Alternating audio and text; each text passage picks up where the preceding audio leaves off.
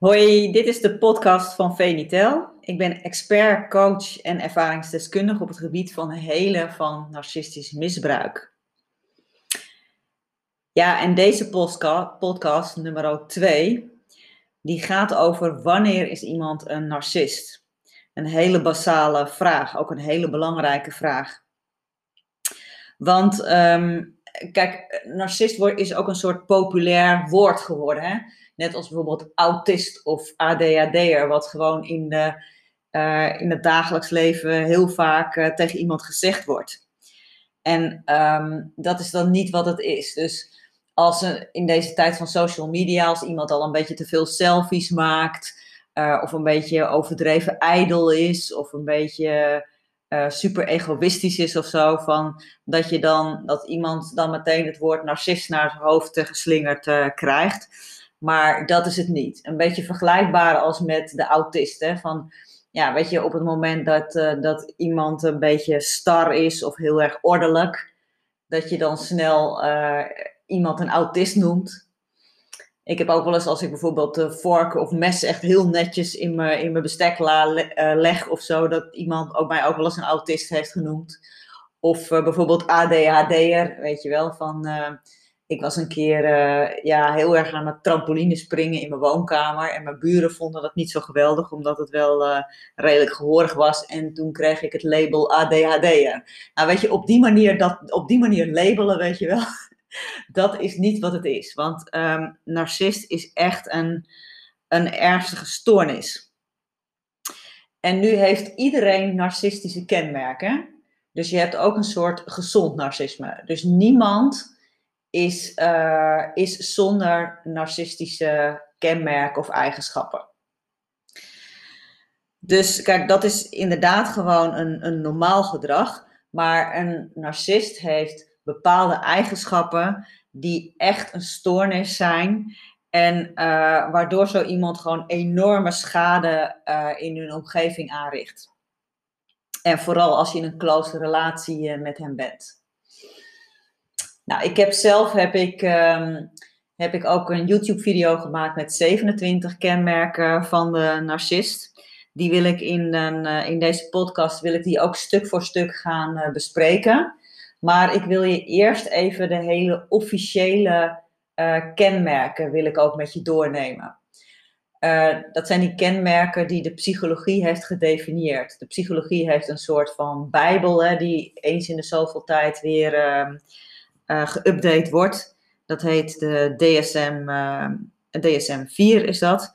En daar staan al die persoonlijkheidsstoornissen in beschreven. Want narcisme is dus een persoonlijkheidsstoornis. Dat noemen ze dus ook wel een narcistische persoonlijkheidsstoornis. En dan hebben zij negen uh, kenmerken gedefinieerd. En als je daar dan vijf van zou hebben, dan uh, ja, word je gekwalificeerd door een psycholoog, psychiater als een narcist. Dus daar gaat wel een hele uh, grondig onderzoek aan, uh, aan vooraf. En ik wil die negen kenmerken even met je doornemen. Ik vind ze zelf een beetje vrij theoretisch en ook samengebundeld. Dat is de reden waarom ik het zelf anders heb gedaan. Maar toch vind ik het belangrijk als je gewoon meer over dit onderwerp wil weten wat dus de, de officiële uh, kenmerken zijn. Ja, en het eerste kenmerk is dat, um, dat zo iemand, een narcist, dus geobsedeerd is door fantasieën over roem, over macht, over succes, over schoonheid, over genialiteit, over seksuele prestaties of een ideale blijvende liefde. Het tweede kenmerk is dat de persoon zichzelf heel erg uniek vindt. En denkt dat hij alleen begrepen wordt door even unieke of speciale mensen. Of groepen van mensen of instellingen. Het derde kenmerk is dat die persoon het gevoel heeft zelf heel belangrijk te zijn. En dat zijn dan gevoelens van grootsheid, waarbij heel erg overdreven wordt over de eigen prestaties, over de eigen talenten, over contacten die men heeft, kennissen en persoonlijke eigenschappen. De persoon eist als superieur beschouwd te worden, ook al geven zijn prestaties hiertoe geen aanleiding. Dat hoort allemaal bij die derde, dat derde kenmerk. En dan het vierde kenmerk is vrij kort. Dat is namelijk dat de persoon manipuleert en gebruikt anderen om zijn doelen te bereiken.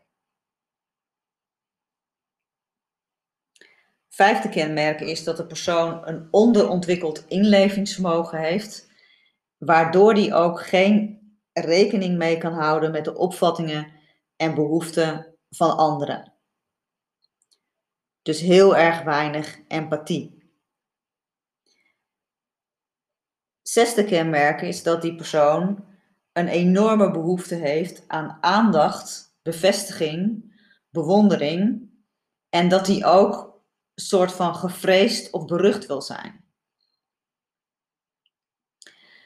Zevende kenmerk is dat de persoon vaak jaloers is, wat gepaard kan gaan met woede. En omdat deze persoon denkt dat anderen jaloers op hem zijn en zich op dezelfde manier gedragen als hij, kunnen, ze, kunnen er paranoïde wanen zijn. Dus die kan zich dingen voorstellen die er gewoon helemaal niet zijn.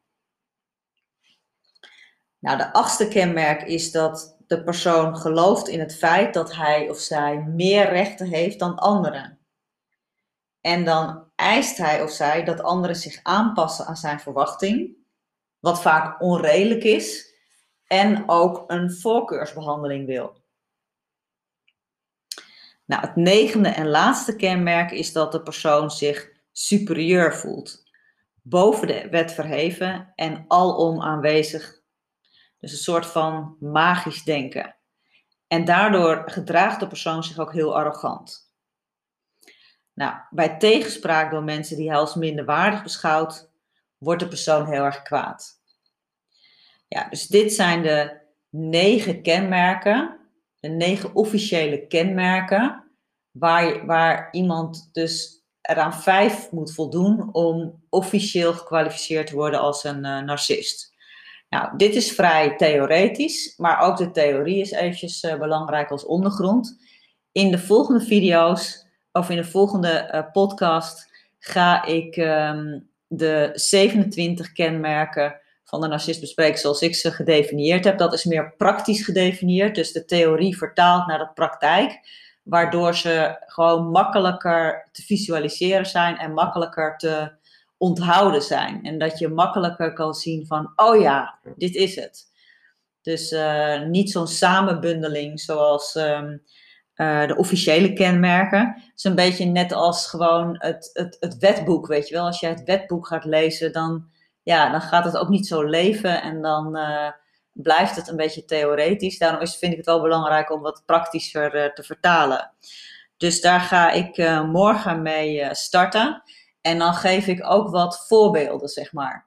Dan gaat het ook wat meer leven. Ook voorbeelden uit mijn eigen leven. Dus um, goed, maar de kop is er vanaf, wat dat betreft. Dus um, ja, vond je dit een inspirerende podcast? Dan raad ik je even aan om je te abonneren. Want dan krijg je ook direct een melding als er een nieuwe podcast klaar staat. Dus dan hoef je niks te missen. Dankjewel. Doeg!